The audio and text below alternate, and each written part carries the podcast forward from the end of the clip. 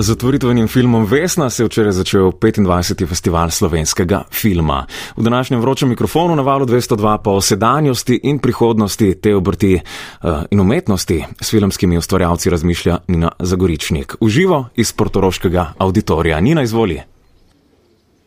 Ja, lepo zdrav iz Potoroškega auditorija, sredi festivalskega vrveža. Sem dobesedno pred mikrofon izvlekla dva uh, režiserja, Igora Šterka in Matjaža Ivanišina. Uh, Darka Sinka ni, ker je obljubil, da pride, ampak mogoče še pride. Hvala obema, da ste se odzvala. Uh, takole bom začela. Letos spremljamo 26. edicijo slovenskega filmskega festivala Portoroš. Prav toliko let je minilo od premijere prvenca Express Express režiserja Igora Šterka.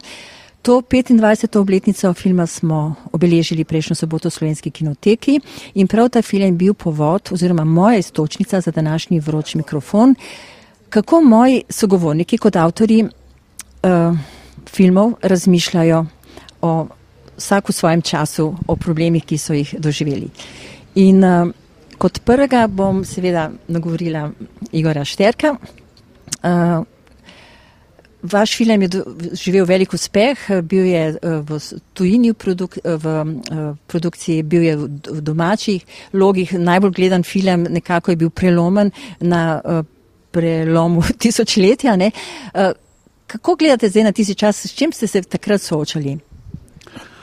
Um, ja, bi rekel, takrat je bil en tak problem, ki se mi zdi, pa, da nekako še tudi, da on še zmeraj traje, ne, da je bila v bistvu zmeraj pač slovenska filmska produkcija podhranjena. Bi rekel, takrat je bilo denarja mogoče, da so se dva, tri celovečerni film naredili v neke profesionalne produkcije. Ne.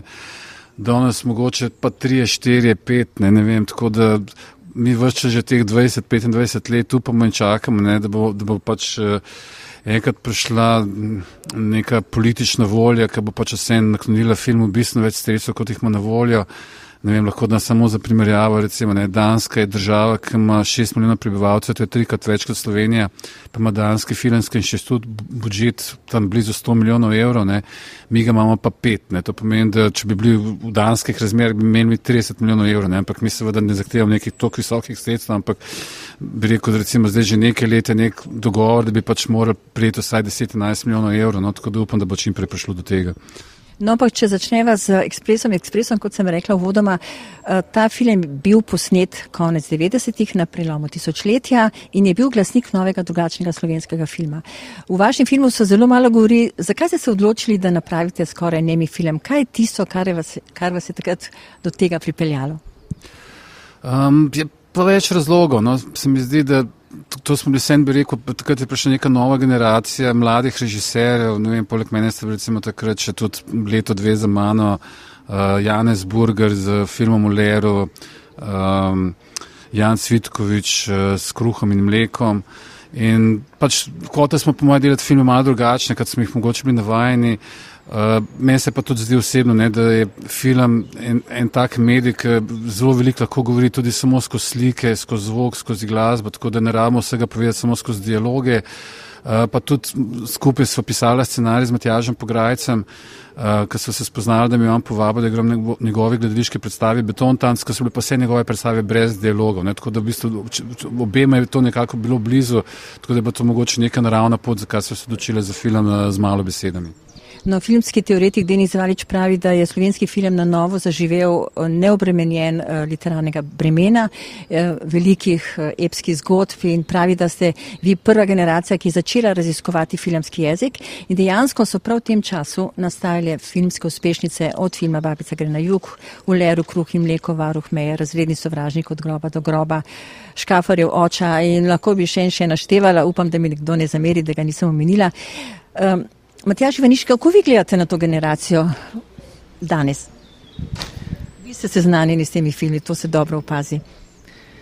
Ja, jaz se spomnim filma zelo dobro, Express Express. Um, prvič, ko sem ga videl, sem bil takrat srednji šolec in um, je takrat naredil precejšen vtis na me film. Se spomnim, da ko sem ga videl, um, da če je prej če si prej rekla, da je v bistvu prelomu um, s to epsko dimenzijo, meni se zdi največja kvaliteta prav tega filma, da je pravzaprav bil sposoben vzeti eno majhno stvar in jo odslikati, bi jaz rekel, vsaj v meni, jaz jo tako doživljam na epski način. Se pravi, eno popolnoma drobno stvar in dati epske razsežnosti. Um, v, to mislim v jedru, v duhu filma, ne nujno spektakelsko v zvoku in sliki, ampak v sami srži uh, filma. In to je na meni naredilo takrat toliko močen vtis, nekako sem imel občutek, da ima film tako kot je veze tudi z mano.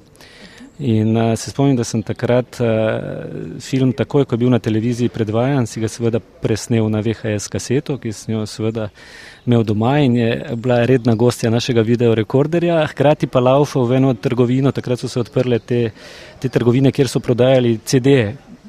Tudi in si imel posamezne oddelke razvrščene, pač te CD-je in en je bil tudi soundtrack kjer je bilo posebej ena, ena polica samo z, z, z CD-ji, ki so bili v bistvu muzika iz filmov. In tudi ta soundtrack od filma Express Express sem seveda si takoj nabavil in je pač sem ta soundtrack tudi doma večkrat a, poslušal. No in zdaj preskok v današnji čas. V Sloveniji kljub uspehom naših filmov tujini nimamo filmske industrije, zato tudi nimamo žanrskega filma, v glavnem snemamo komedije mladinske filme um, um, ali poceni socialne drame, zgodovinski filmi so itak predragi, so pa vedno bolj išče v tem ekonomskem manjku sredstev razne možnosti. Ne? Uh, nizko proračunske produkcije in Matjaž Ivanišin, prav vi ste v tem krču našli navdih in nas očarali s filmi uh, s filmoma kot sta Orosan, Playing Man in seveda tudi ostali. Uh, vaše moške igre, ki pridejo v neko osebno zgodbo, neko osebno izpoved. Ja, um, jaz sem zmeraj občutek, da brez tega ne gre, da v bistvu moram pripovedovati stvari zmeraj v povezavi z neko lastno izkušnjo, osebno izkušnjo, osebnim videnjem in da mora obstajati v meni ena kreativna nuja, da se filma sploh lotim. Um, nekaj, kar je, um, kar je um, bi rekel, tolk, um, mi tolk ne da miru, da uh, moram s tem nekaj narediti. Um, to se mi zdi en tak predpogoj, vsaj za me, za, da se filma sploh loti. No, berem, da slovenski režiserji pridejo do svojega filma vsakih pet do sedem let. Eh, kako ste vi prihajali do svojega filma, uh, Igor Šterk? Ja, žal je tako, ne bi rekel o tem, zato ker, je, ker ni urejena, bi rekel, sistemsko ni urejena filmska produkcija. Ne, rekel, tudi če imaš ne vem kakšne uspehe s filmom, ne, to ni nobena garancija, da boš pridobil naslednjo priložnost. Ne. Recimo, jaz sem s filmom 96, sem pobral rekordno število nagrad v Portorožu, vse glavne nagrade, uh, ne vem, 11 nagrad za film, režijo, glavnega igralca. Uh, pa potem sedem let nisem dobil priložnosti, kljub temu, da sem pač imel dva scenarija, dva projekta, ki sta bila v bistvu čisto obadžet, samo za, za petkrat manj sredstev, kot bi bilo običajno. Ne. In zmer dan primerjavane. Recimo, da v slovenskem gledališču nikoli ni bilo mogoče, da recimo bi ti na Bošnjem festivalu pobral vse glavne nagrade, ne. potem pa ne bi dobil pet let priložnosti niti v gledališče gledaj, recimo. Ne. Pač to je pač, to govori samo o nekih sistemskih problemih, ki jih pač slovenskih filmov še do našega ni žal ni uspel rešiti v zadnjih 25 letih. No, režiserji se tako rekoč svobodni stvarjavci na čakanju doletijo vas finančne ali pandemijske krize. Skratka, ste na trgu čakanja, film je razumljen kot Investicija države pa vendar to ni in tudi ni sistemskega preboja. Ampak ne bi o tem danes, ne, ker bomo izgubljali čas. Uh, Darka Sinka tudi ni škoda, ker je predstavnik najmlajše generacije. Zdaj, če vzamemo to omizje, uh, on je prevzel izkušnje iz prejšnjih generacij in, jo še dodatno oplemenitil uh, in nas navdušil s prevencem Inventura, ki je prejel sedem nagrad lani in eno nominacijo in bla bla bla. S kakšno problematiko se je soočal, bomo izvedeli drugič, ampak videla Matjaž Ivaniš in pa sta skupaj delala 51-minutni film Hiške, ne, In zgleda, da je res eh, ta film prav nagradil um, vse tisto, kar gledamo v inventuri. Kaj se vam zdi?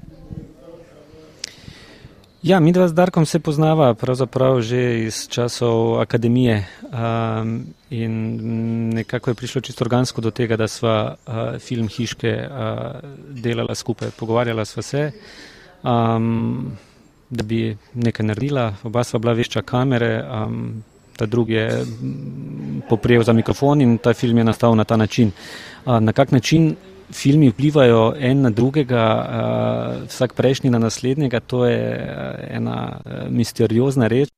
Ampak je ena tudi lepota v tem, da se lahko zrcalijo določene stvari iz enega filma, ki ni nujno tvoj v tvojem ali pa obratno, ali pa se neke stvari vlečejo skozi več filmov znotraj enega opusa. Uh, se mi zdi, da um, se to samo po sebi pojavi, nikoli se ne moremo skriti za svojim materialom, no to bi rekel.